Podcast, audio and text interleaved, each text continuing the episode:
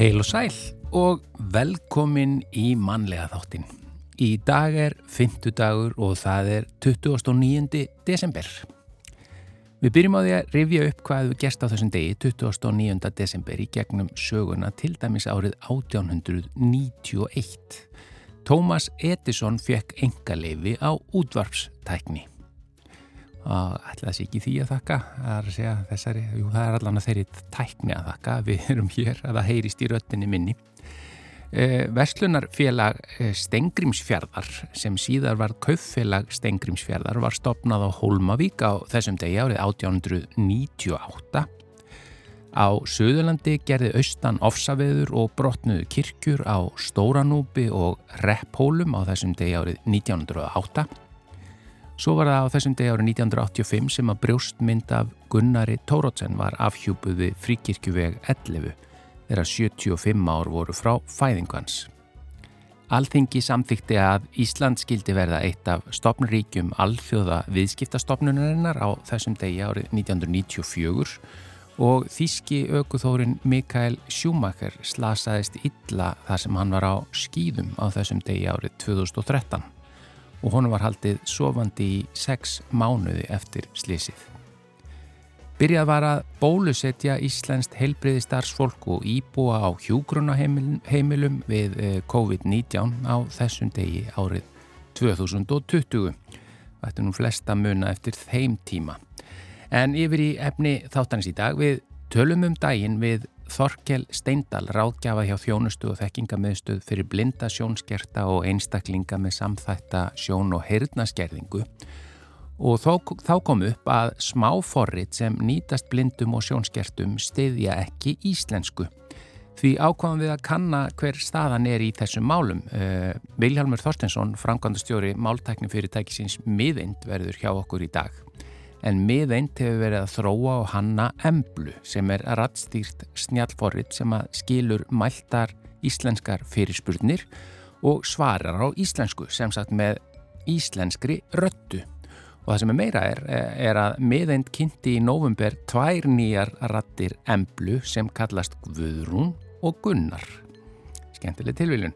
En við fáum Vilhjálm hér á eftir til að segja okkur hver staðan er í íslensku kunnáttu tölva og snjaltækja og hvað stendur í vegi fyrir því að til dæmi svona hjálparforrið eins og fyrir blinda og sjónskerta skilji og tali íslensku. Svo fáum við vingil frá Guðjónu Helga Ólasinni, síðasta vingilin úr Gaulverabæjarreppnum í ár og hann vildi skýra þennan vingil rakfarir og heimskupör til heiðurs Viggo Viðutan. Við heyrum meira því að eftir og að lokum fáum við postkort frá Magnús R. Einarsinni í postkorti dagsins segir Magnús frá jólaháttíðin í Berlín þar sem hann er stattur um þessa myndir. Hann segir þar fátt sem minni á jólinn og þau eru ekki eins stór háttíð þar og heima á Íslandi.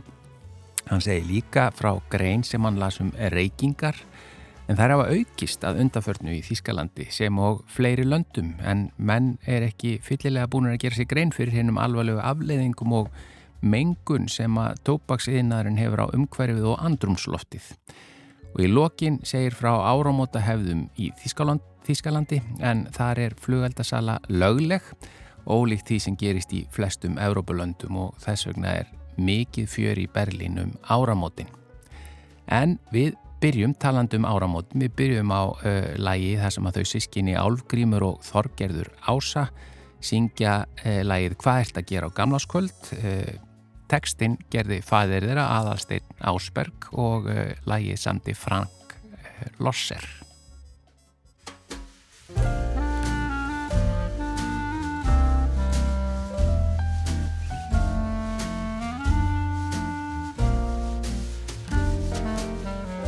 Kanski er allt of bratt að byrja hér. Æ, bara spyrja samt ég leiði mér. Hvað ert að gera á gamlás, gamlás kvöld? Hugsun það eitt, hver örnum vefja fær,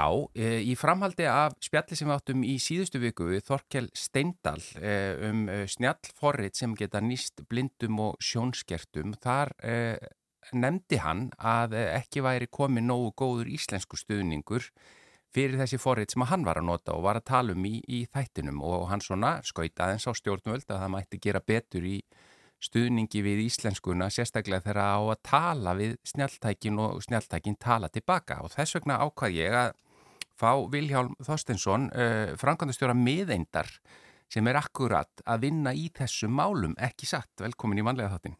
Takk fyrir það. Jújú, jú, við erum búin að vera að vinna í þessum íslensku máltækni málum núna undanfarin ár Já. ásamt fleirum í góðu förunetti.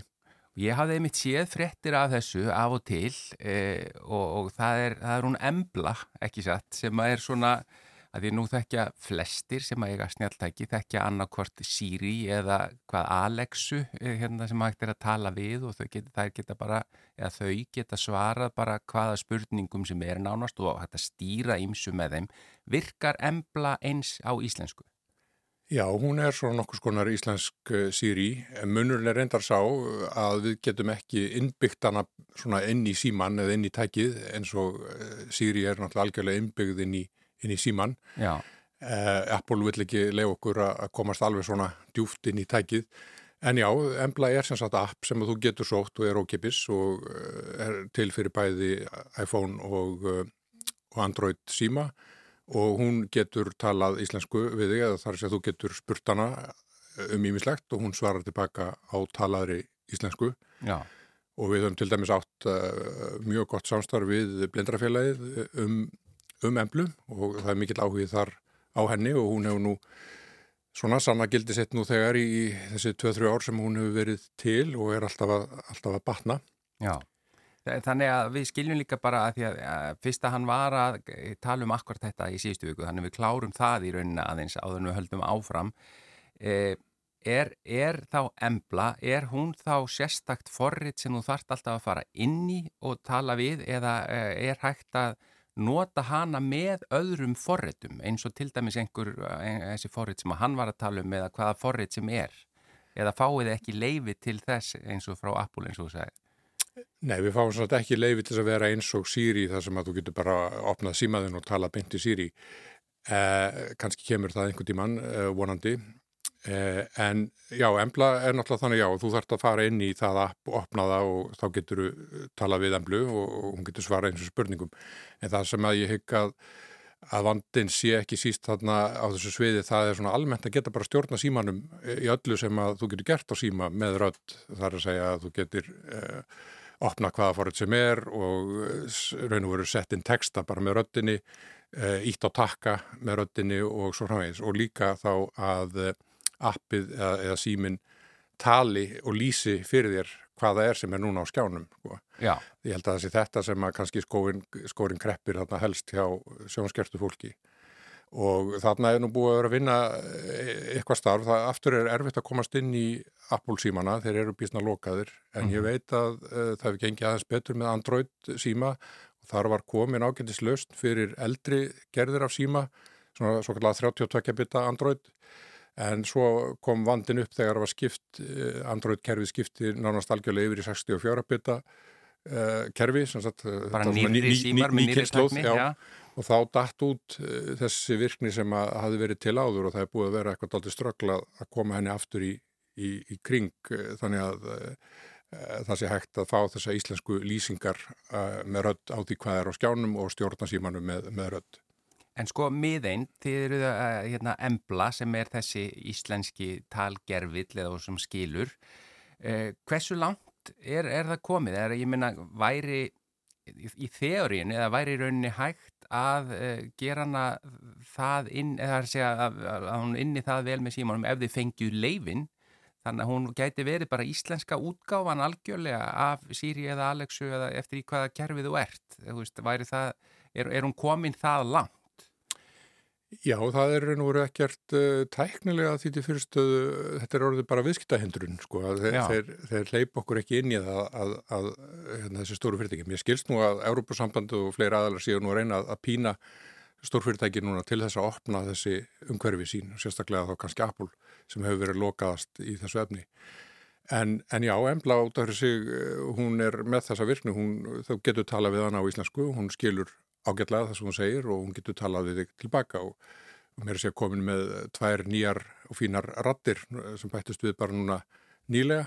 Sem að heita sama að og þáttastjórnendur í þessum þætti. Sem heita nefnilega Guðrún og Gunnar.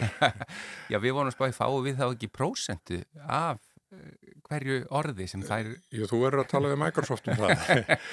það er Microsoft sem að, stórfyrirtæki sem að uh, bjóð til þessar nýju omþýðu rattir og byggði þær á gögnum sem var sapnað hérna meða landsmanna í verkefni sem heitir Samrómur sem að mjög margir tóku þátt í. Alveg rétt. Og uh, já, þannig að þau gáttu byggt á þeim gögnum en samt eru þessar rattir, þetta eru svona gerfi rattir, svona synthesized rattir, þetta er ekki raunverulegt fólk sem að talar fyrir Guðrun og Gunnar. En bara vill hann til að þau fengu fallegna. Já, kannski svona að vita þessu indala fólki hér í útvarpinu sem að þannig að það verð ekki leðum að líkjast. En sko, þá, eh, samt þá komum við að því að, því að við erum, erum fjallað svo mikið um sko, stöðu íslenskunar og hvað hún er mögulega hættu að því að nú eru bara allir með snjáltæki í, í höndunum og nú eru krakkar bara alast upp með þetta í höndunum og eru að horfa endalust á erlend afþreyingarefni og þessna það skiptir það miklu máli að koma íslenskunni inn í þessi tæki. Eh, og ég meina eh, eins og tökum sem dæma þegar þú segir Apple að því Apple símar, þeir, þú getur valið um mörg tungumál, þýsku og spænsku og ég veit ekki hvað, hérna japansku og kymvesku og allt þetta. Eh, væri er svo eh, langsótt að ætla það að ef að, ef að þið til dæmis miðend eru búin að búa til hennan íslenska talgerfi og skilning að, að þeir myndu taka ykkur undir sinn vang bara sem þá íslenskuna í kerfinu hjá þeim eða er það einhver fjarlægur draumur? Já, hugsanlega. Við, nú vil svo til að ég fór með, ég var svo heppin að fá að fara með fórseta Íslands eh, í ferð til Kísildals eh, núna í mæ eh, síðastliðnum og þá heimsóttu við þessi stóru teknifyrirtæki og þar á meðal Apple mm og þar var fórsetin svona að tala máli, þessar litlu tungumála heimsins og minna stórfyrirtækin á að, að hafa þau með og gleima þeim ekki. Og það væri mikilvægt að, að svo menning uh, sem fælst í litlum tungumálum og hún væri ekki einhvern veginn, uh, henni væri ekki ítt til hliðar með tekninni mm -hmm. og almennt var nú mjög góður skilningur held ég á þessum bóðskap hjá stórfyrirtækinum En uh, þetta er auðvitað svona viðskiptarlegt spur, spursmál hjá þeim líka, sko, þau, þau vilja taka fyrir stóru tungumálun og stóru markaðina og svo eru við einhverstað mjög neðarlega á listanum sem markaður. Uh -huh. En uh, ég hef nú tilfinningunni satt að segja varðandi, varðandi Apple að það er kannski E, það er kannski sko sá andi ríkjandi sem hefur getið hafa komið frá Steve Jobs eða eitthvað að Apple vil svolítið halda utanum heldina alveg sjálft. Þau, þau vilja rítstýra sinni vöru alveg frá A til Ö Já. og eru kannski skeptískari heldur en sem að vinnu fyrirtækinum á að vera að nota lausnir frá þriðjaðalum inn í sínum kerfum. Þeir vilja svolítið svona halda þjætt utanum e, sína vöru Þannig að það er pínu erfitt að komast inn með einhverja svona ytri tekni. Þannig að jafnvel þó við Íslendingar þróum eitthvað óða snuðt, þá er ekkit víst að Apple væri tilbúið að taka það upp sem sína þessum hlut af sinni vöru. Þeir vilja einhvern veginn eiga gæðin frá, eins og segi, frá upphæfut landa. Þannig að það var svona kannski mínu upplifun að uh, væri hjá þeim vandamáli. Þeir vilja bara geta haldið utan um alveg sjálf. En það getur þetta orðið pínu erfitt þegar þú ert komin í mjög mikinn fjölda af litlum tungumálum. Þá þurfum við nú helst að vera með einhvers konar prógramum að eiga samstarf við fólkið í viðkomandi málsamfélagi. Já, því sko hættan er auðvitað alltaf svo, eh, þú mannst ábyggilega jafnvel og ég þegar til dæmis bara á Apple tölvun var íslensku stuðningur en hann var ekki til staðar þegar þú kefti tölvun alltaf að byrja með. Þannig að þú þurftir alltaf að fara eitthvað baktir að leiða því að setja inn íslensku stuðning og svo ef það kom uppfæsla á stýrikerfið þá fór allt í hund og kött og maður þurfti aftur að finna aðra leið og svo sem betur fyrir var það úr sögunni þegar ég man ekki að það heitir Unicode eða eitthvað sem kom nýtt kerfi upp. Ég meina, væri ekki lausnin sem þið eru búin að finna upp í rauninni sem að er e, íslenskan að, að í rauninni tæknin skilur íslenskunum og getur talað íslensku væri ekki hægt að aðlaga það síðan að, er því opboslega mikil vinna þó svo að það er því undirregli vapul, ég menna að því þeir eru hvort sem eru ekkert með íslenska máldild innan sín, undir sinni reglíf, þannig að þeir myndu kannski bara, og þeir kaupa nú heldur betur tækni hér að þann úr heiminum, sko, eða, eða alls konar þekkingu. Ég menna, er, er, er þetta fjarlægu draumur að þetta gæti einhver tíman bara farið inn undir að því þeir, eh, já, bara sem íslensku stuðningur í þeirra tækjum? Já, ég held að það mun ekki, ég held að sjálfur rétti að þetta mun ekki gerast öðruvísi en að þeir opni fyrir, opni kerfin hjá sér þannig að, að, að þriðjaðalar geti komist þar inn með lausnir á borðuð okkar. Já.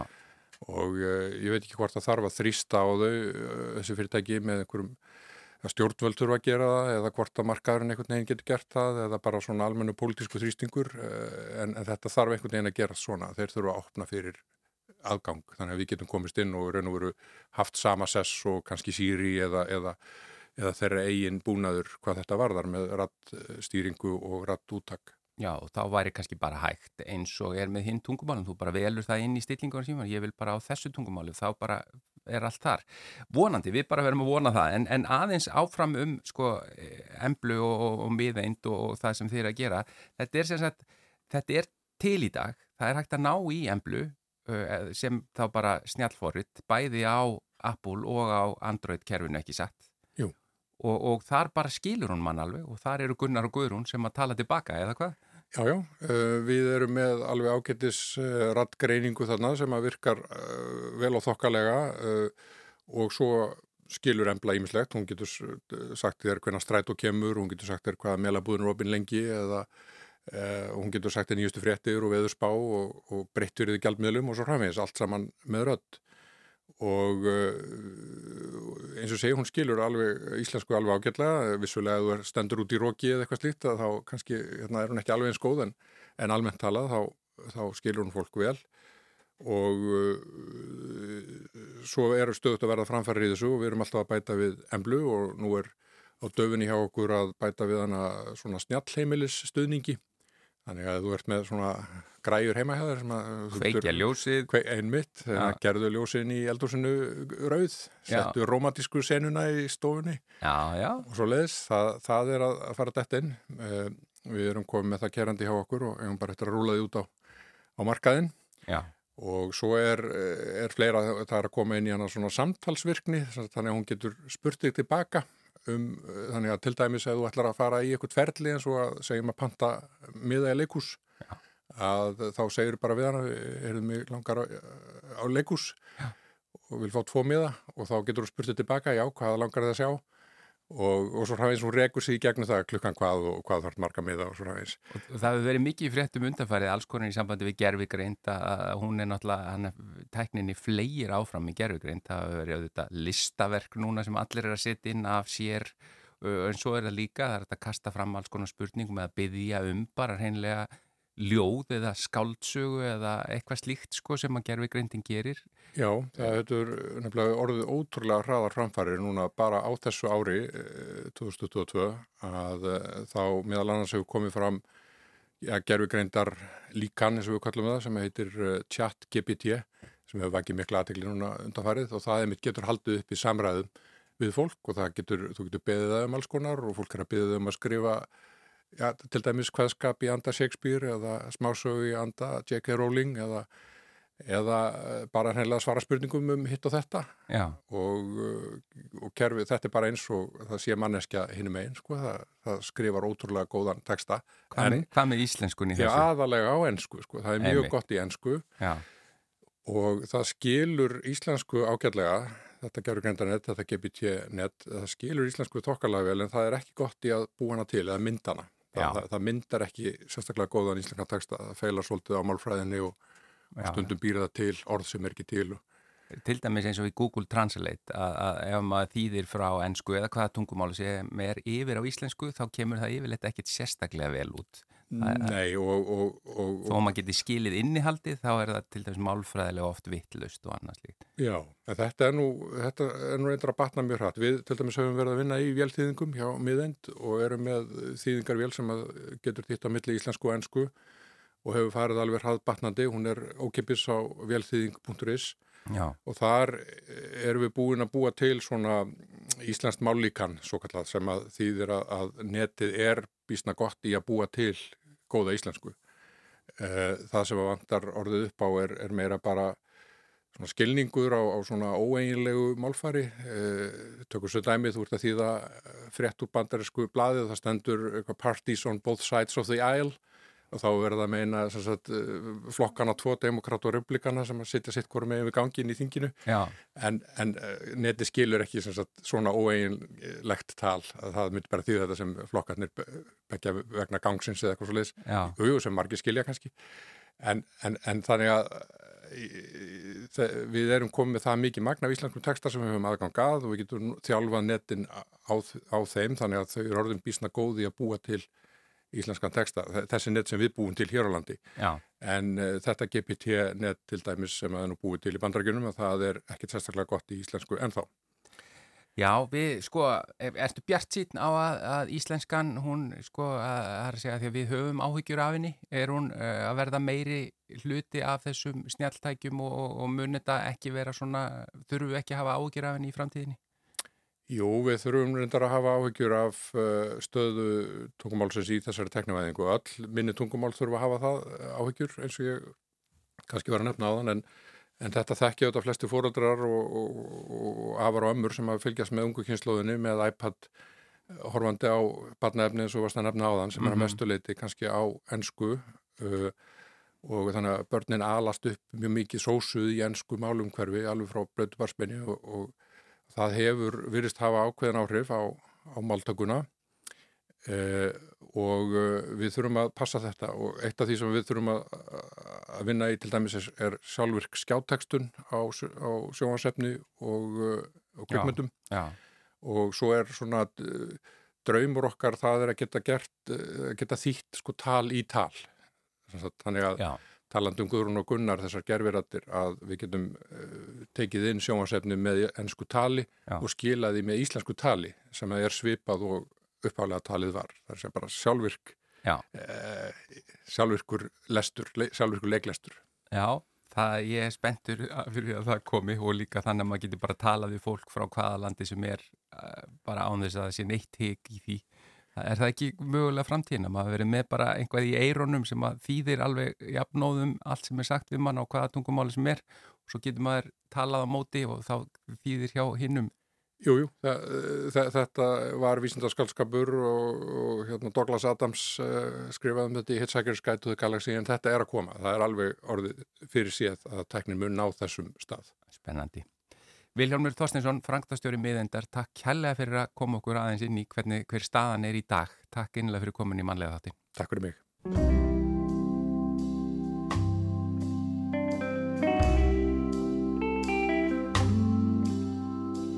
Ég ætla að gefa þér dáþögur djást í sætan kandís og gullkambi come behold.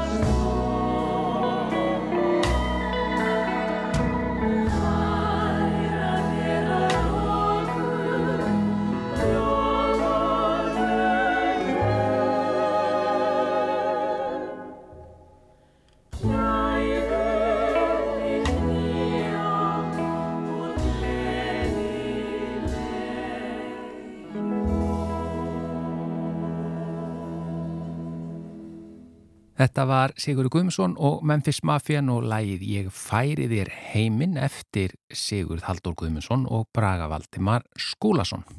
En nú er komið að síðasta vingli ársins frá Guðjóni Helga Ólafsinni.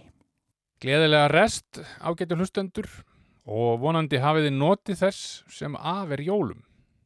Þetta er svolítið snubbótt jól núna með tilliti til magns frídaga hjá þeim sem vinna út í frá. En við fáum ekki alltaf það sem við viljum og viljum stundum ekki það sem við fáum. Þannig ennú bara lífið og við erum ekkert að skæla í kottan yfir því. Og ég vorkin ykkur ekkert öllum. Sérstaklega ekki þér sem lást á Solbekk í fjórar vikur á Teneríf og þambaðir gós alla daga núna rétt fyrir jól. Og ekki heldur varað með ekkert um hvort að tætnaráður eru sólbrúnar eða ekki. En ég sé á myndum á samfélagsmiðlum að fótsveppurinn er heldur að gefa eftir hann í sandinum og samkleðast vegna þess Nú það kannski vegur eitthvað upp á mótisvekkjelsinu yfir því þegar þú komst heim aftur og flugvelin magalendi í snjóskapli á Keflavíkur flugvelli og þú uppgötuðaður að bílinn þinn var fastur á bílastæðinu og samfeld röð fastra bíla þaðan og austur á Hortnafjörð. Flugstöðin full af grátandi túristum sem að langaði bara að komast heim. Makkintossi búið og bara til létt bjór með sítrónu í fríhefninni. Það er ekki alltaf jólinn nefnilega. En nú eru þó jólinn. Ég álst uppi það að fólk óskaði hvort öðru gleðilegrar jólarestar frá öðrum degi jóla og fram á gamlastag og held mig við það sjálfur. Mér finnst það eitthvað svo notalegt og hátíðlegt. Jújú, flest okkar mæta til vinnu á milli hátíða en jólaskapið er enn í sinninu og heima er hlýtt og gott og enn eru til smákökur og konfekt til að maula yfir sjónvarpinu. Kanski líka smá flís af hamburgarhryggi í ískapnum og tvær eða þrjár kveitikökur í hrennilásboka við hliðin á kaffivélinni. Mögulega einn malt líka og þá getum við haldið lítil auka jól yfir veðurfréttum kvöldsins.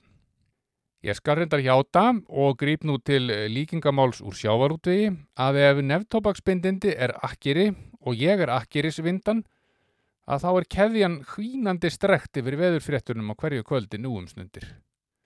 Ég hef alveg haft gaman á smá snjó í kringum bæinn. Hef líka ferðast um hálendið á vélsleðum og jeppaskrjóðum árum saman og fengi mikla gleði út úr því. Elsta dóttir mín sagði til dæmis við tengdarsónin fyrir nokkrum árum þegar við skemmtum okkur við að draga snjóþótu á fjórhjóli hérna um túnið að hann pappi verður alltaf sex ára þegar kemur snjór.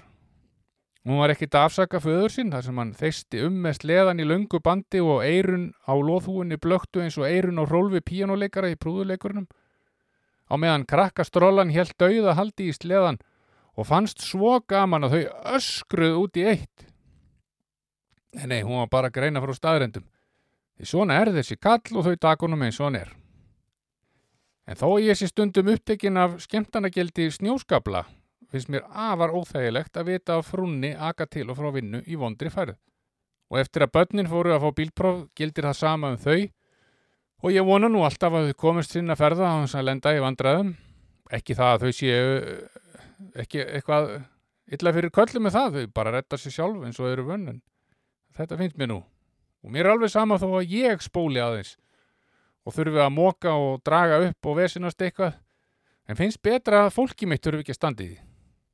Vonandi er ég bara eðlilegur pappi og afi að láta svona, en ef ekki, þarf ég sennilega að setjast í sófan hjá einhverjum góðum sálfræðingi, einu sín í viku næstu árin og sjálfsagt einhverjir fleiri líka. Annars ámaður ekki að kvarta undan ófærð þegar allir eru óhulltir og ekki er bráða þörfa að komast að bæ. Það er bara væll. En við treystum vissulega á hinn að margumtöluðu innviði samfélagsins þegar veður gerast válind. Sumt er hægt að fella niður og öðrum má kannski fresta eitthvað, en við veljum öll að heilbriðiskerfi til dæmis sé starfhæft þó að úti geysi jól, áramót, eldgós eða ófærð. Eins er með þau sem að starfa við löggæslu, við treystum á þeirra vinnuframlag nótt og dag alla daga ársins. Líka þau sem halda raforkukerfin okkar gangandi og hitaveitunni, fjarskiptakerfinu, vegakerfinu, matvalaframleyslunni og þeim sem passa að skólpi frá okkur komist sína leið. Við tölum svo til þessa fólks með vandlætingar tóni í röttinni þegar eitthvað bjátar á og verðum skyndilega sérfræðingar í þeirra fægi og aðstæðum.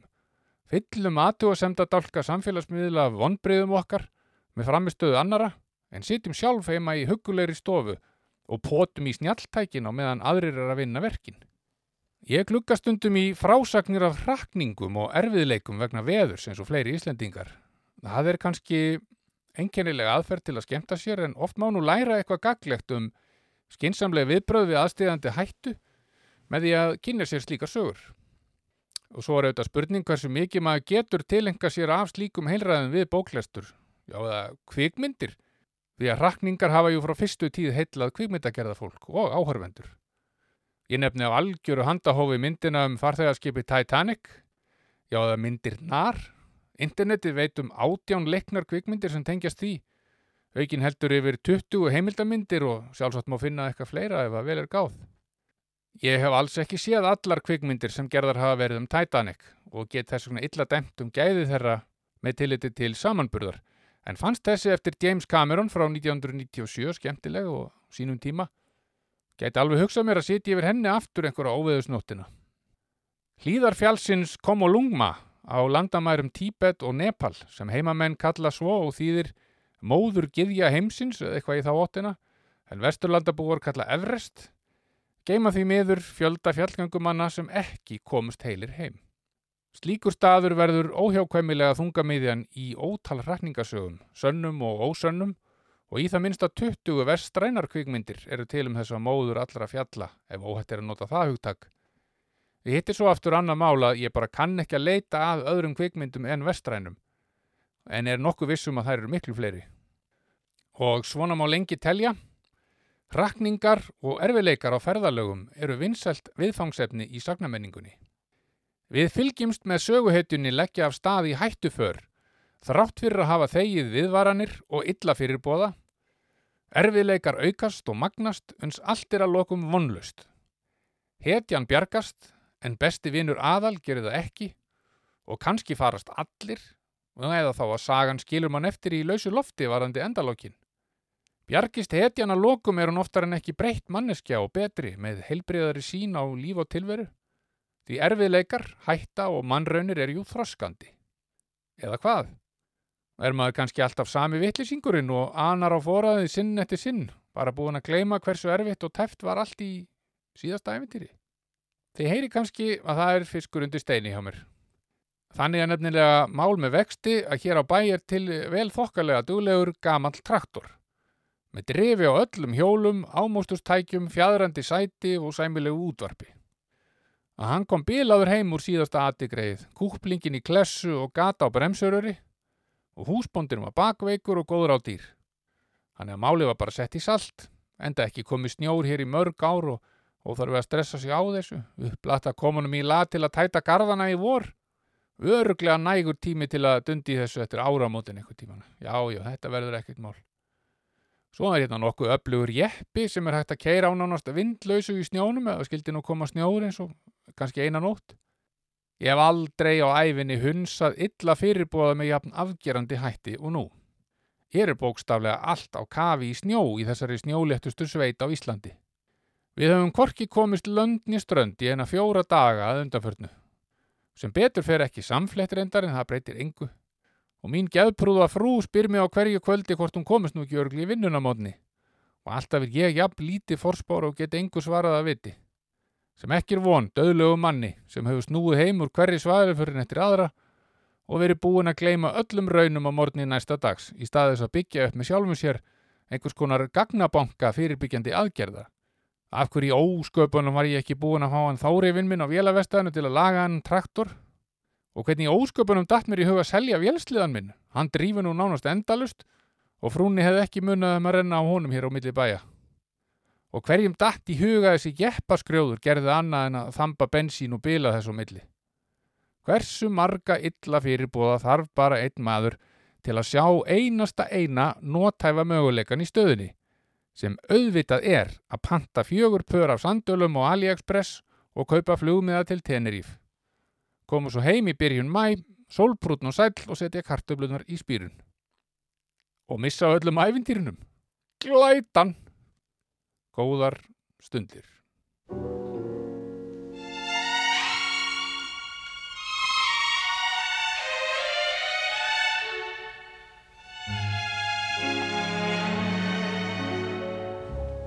Chestnuts roasting on an open fire. Jack Frost nipping at your nose. Yuletide carols being sung by a choir. And folks dressed up like Eskimos. Everybody knows a turkey and some mistletoe help to make the season bright.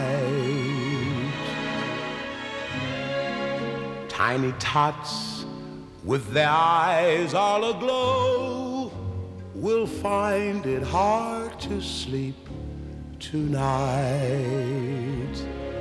They know that Santa's on his way. He's loaded lots of toys and goodies on his sleigh. And every mother's child is gonna spy to see if reindeer really know how to fly. And so I'm offering this simple phrase to kids from 1 to 92. Although it's been said many times, many ways, Merry Christmas to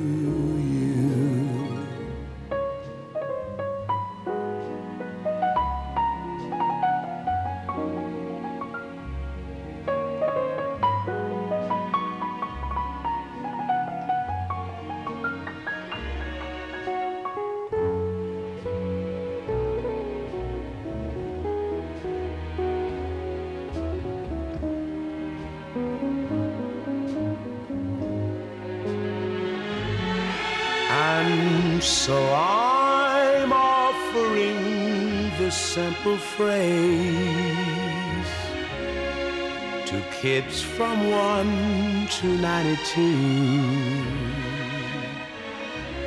Although it's been said many times, many ways, Merry Christmas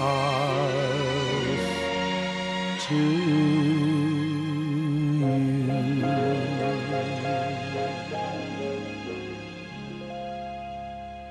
Þetta var Nat King Cole að syngja lægið The Christmas Song eftir Mel Tormé og Robert Wells.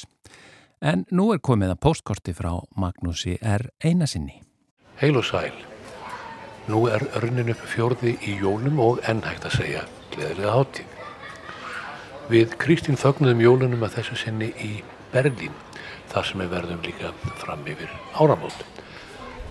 Og það er annar bragur á jólaháttíðinni hér en heima á fróni. Manni gæti fyrirgefist að halda hér var reynlega engin jólaháttíð svona utanfrá séð.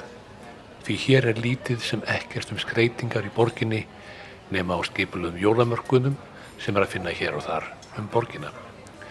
Aðeins ein og ein jólastjarnar út í klukka og stöku jólatri í stórverslunum minna á hátíðina. Jólatónlistinn er ekki blastað á mann á veitingastöðum og í verslunum og þótt flestar verslanir hafi verið lokaður á jóladag og annan jólum þá voru margir veitingastæður og minni verslanir opnar. Við fórum til að mynda í göngutúr seint á aðfangandaskvöldi og rákumst á á bar þar sem við spilum biljart á samt glaðlugum borgarbúum og músikinn var 80's eins og það er kalla nú og kuður að vinsæl hér um slóðir. Ekkert jólatröms. Já, það er fyrðu þátt sem minnir á jólinn í Berlín, allavega miða við það sem gerist heima hjá okkur, þar sem hátil ljósins er tekinn bókstaflega og menn kveiki á hundruðum ef ekki þúsundum jólaljósa til að fagna jólunum og lýsa upp skamdegið. Reyndar held ég að það fagni engin þjóð jólunum á sama hátt og við Íslandingar með ofgnótt af mat og drikk, ramagsbröðli, rándýrum gjöfum, jólatónleikum og skemmtanahaldi. Ég var að rifja þau upp í gær að ég hef nokkru sinnum verið erlendur sem jól og það í þrejum heimsálfum en hvorki séð nýju upplifað annan eins ákafa og okkar Íslandinga í jólahaldinu. Og fyrir þessum ákafa eru eflast ýmstar ástæður og ætlaði ég mér ekki að reyna að spá í þær. Verð á ramagn og gasi hér í Ístískalandi hefur verið tölverst í fréttum undanfarið ár en nú hefur ríkistjórnin sett þak á verðhækkanir sem verður í gildi fram til ársins 2024. Og ríkistjórnin ákvaða nú fyrir jólin að veita öllu vinnandi fólki sem á fólki og eftirlaunum 300 evra afslátt af orkureikningum. En eitt er það sem að tekur eftir hér í þessari stóru og flottu borg og það er hversu margir reykja tóbak bæði á götum úti og einsinn á sumum veitingastöðum þó það eigi að vera vissulega bannað. Maður tekur fyrst eftir sóðaskapnum, síkaretustubbar á gangstéttum og torgum og maður finnur tóbaksarikinn víða. Þetta kom mér á óvart og í þessum málum stöndu við Íslandingar þjóðverjum miklu framar. Ég var að lesa grein í tímaritunni Stern um skaðsemi reykinga sem er ekki bara bundin við þá sem reykja heldur líka allt umhverfið. Og í þeim efnum eru rafrettur ekkert minni skaðvaldur en vennulega síkarettur. Samkvæmt greininni þá hafa reykingar aukist hjá þjóðurum af undanförnu og þá er helst COVID-kentum. Streitan sem faraldurinn hefur haft í för með sér allir því að næstum fjórðungur þeirra sem höfðu hægt reykingum fjall og byrjaði aftur. Þetta er auðvitað slæmt, ekki bara fyrir reykingafólkið, heldur líka fyrir okkur hinn, umhverfið og loftslægið. Samkvæmt upplýsingum frá Alþjóða heilbriðistofnuninni þá starfa 500 verksmiður í 125 löndum við að framleiða 6 biljón síkaretur árlega. 6.000 miljardar síkaretta. Framneyslan og neyslan skapa 80 miljónir tonna af koltvísirengi sem fer út í andrúsloftið. Og til að framleiða eina síkaretu þarf meirinn þrjá og hálfan lítra vatni. Tópastræktin á framislan þartast áttasinu meira vatn en þarf til að rækta bæði tómata og kartumur. Um það byrj 20.000 hektarar lands eru ruttir árlega fyrir aukningun á tópastframleyslunni og allt í allt er svo ræktun orsök 5% af eyðingu skólendins á jörðinni.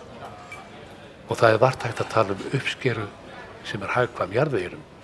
Bændur planta tópaki sem einræktun og nota ábörðu efni sem er svo aggressív að þau hafa verið bönnuð í vestrænum löndum. Og reykingarnar einfallega eitra plántuna okkar. Flestir síkartustubbar enda ekki í ruslatinu heldur á götum, almenningskorðum, í ám og í hafinu. Það er talið að um það byrj fjórum og hálfum biljóna stubba sér fleikt í umhverfinu árlega. Í Þýskalandi einu kostar það borgir og sveitarfjölu árlega næstum 35 miljardar króna að reynsa upp eftir reykingafólki. Það virðist sem fáir reykingamenn viti að síkartufiltrarnir menga og verða örplasti og einn stubbur getur mengað alltaf einu tonni af vatni sem er náttúrulega ekkert voru gott fyrir sjáardýrið og sjáarlífið. Þetta tjón er einhvern veginn samfélagslega hunsað. Síkarettan er sennilega viðurkendasti eitur úrgangur sem við framleiðum. Enn fremur segir í tímaritinu Stern, þaðan sem ég hef þessar upplýsingar, að einnota rafrettur eru nú búin að ná 40% af markas hlutdelt hjá reykingafólki í Þýskalandi og hlutfallið fer hratt vaksandi. Þessi þróun þykir afleit vegna þess að einnota rafrettur menga engu síður en síkarettur og með þeim eigða stefni eins og sírur úr örrafluðum og málmar sem ekki eru endur nýtarlegir. Nú hefur svo breyting orðið á að svo kallar nikotínpúðar njóta líka vaksandi vinsælda, sérstaklega hjá ungu fólki. Púðarnir innihald ekki tópak en hátt hlutfall nikotíns. Hins vegar þarf það að rækta tópaksplöntuna til að vinna nikotínið í þessa púða. Nikotín er eitt mest vanabindandi eiturlif sem fyrir finnst. Dauðaskamturinn er sagður vera 50 til 60 milligram en í einni síkaretu er að finna um það byl 1 milligram. Nikotín hefur afskaplega neikvæð áhrif á heilsuna og langtíma neysla eigur hættuna á alvarlegum sjúkdum. Þess vegna ætti það að vera á öllum nikotínfiklum hvatir til að stíga og stokk og strengja þess heitu núna um áramótin að hætta neistu nikotíns í hvaða formi sem er. Ég veit sjálfur alveg hvað það er að vera háður nikotíni og það þarf vilja styrk til að venja sig að því og hann fæst ekki í neinu apoteki eða verslun. Það er hins vegar hægt að fá aðstúr og hjálp með því sem hætti. Far á námskeið og breytum lífstíl til dæmis. Talandi um áramót þá er gamlarskvöld kallað Silvester hér í Þýskalandi. Það eins og margt annað í evróskum kúptur er ættað frá Rómarveldi. Nafni Silvester kemur frá rómverskum dýrlingi á fjörðuvjöld. Silvester fyrsti var páfi katholsku kirknar og fyrir utan þá staðreinda hann þjónaði sem páfi frá 314 til 335 þá mjög lítið vitað um Silvester. Þó nokkrar þjóðsögur hafi sprottu upp um nafn hans og sagan segir hann hafi læknast á holdsveiki fyrir kraftaverk. Háttíð heilags Silvestir, þar að segja greftunar aðtöfn hans, fór fram 31. desember árið 335 og þegar gregoríska tímatalinu var breytt árið 1582 var síðasti dagur ársins settur 31. desember. Þrátt fyrir sameigilega dagsetningu stafa flestar þýskar silvesterhefðir í raun frá miklu eldri og heiðinni hátíð sem kallast Ránekti. Mikil hávaði var mikilvægur þáttur þessum fornu áramóta hefðum og líklegt er að flugeldarnir sem skotið upp í massavís á kammarskvöld séu nútímanleg þróun þeirrar hefðar.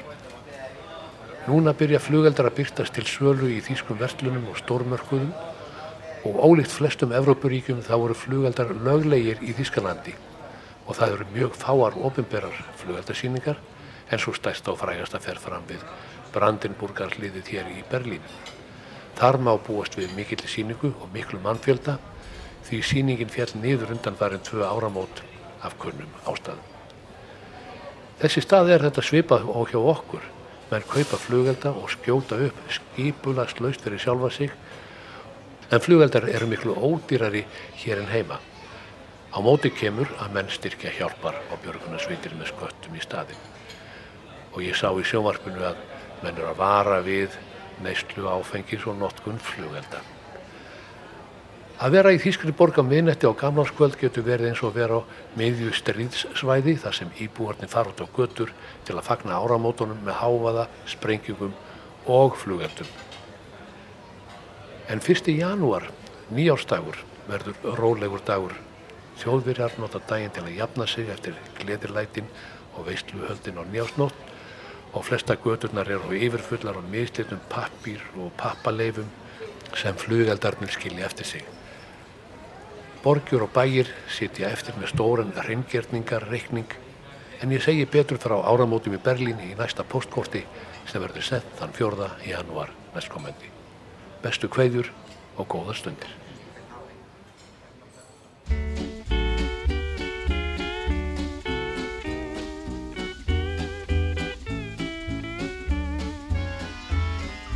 Melikilikimaka is a thing to say on a bright Hawaiian Christmas day.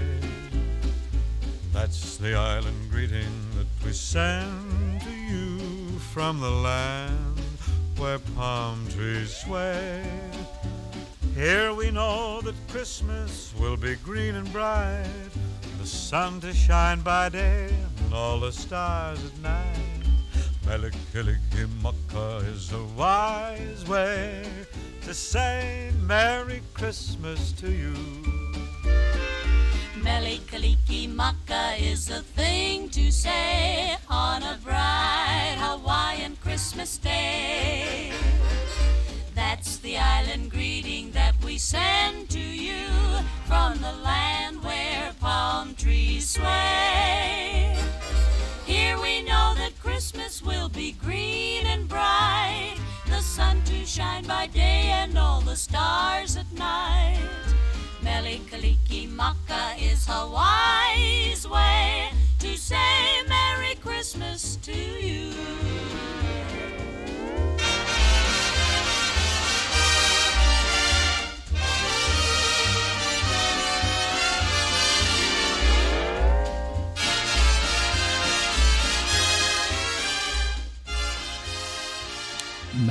Melle Kalikimaka Þetta er Bing Crosby og The Andrew Sisters að syngja lag eftir Cole Porter og R. Alex Anderson en þetta er loka lagið í mannlega þættinum í dag við þökkum innilega fyrir samfélgina og eh, verðum hér auðvitað sama tíma á morgun. Verið sæl!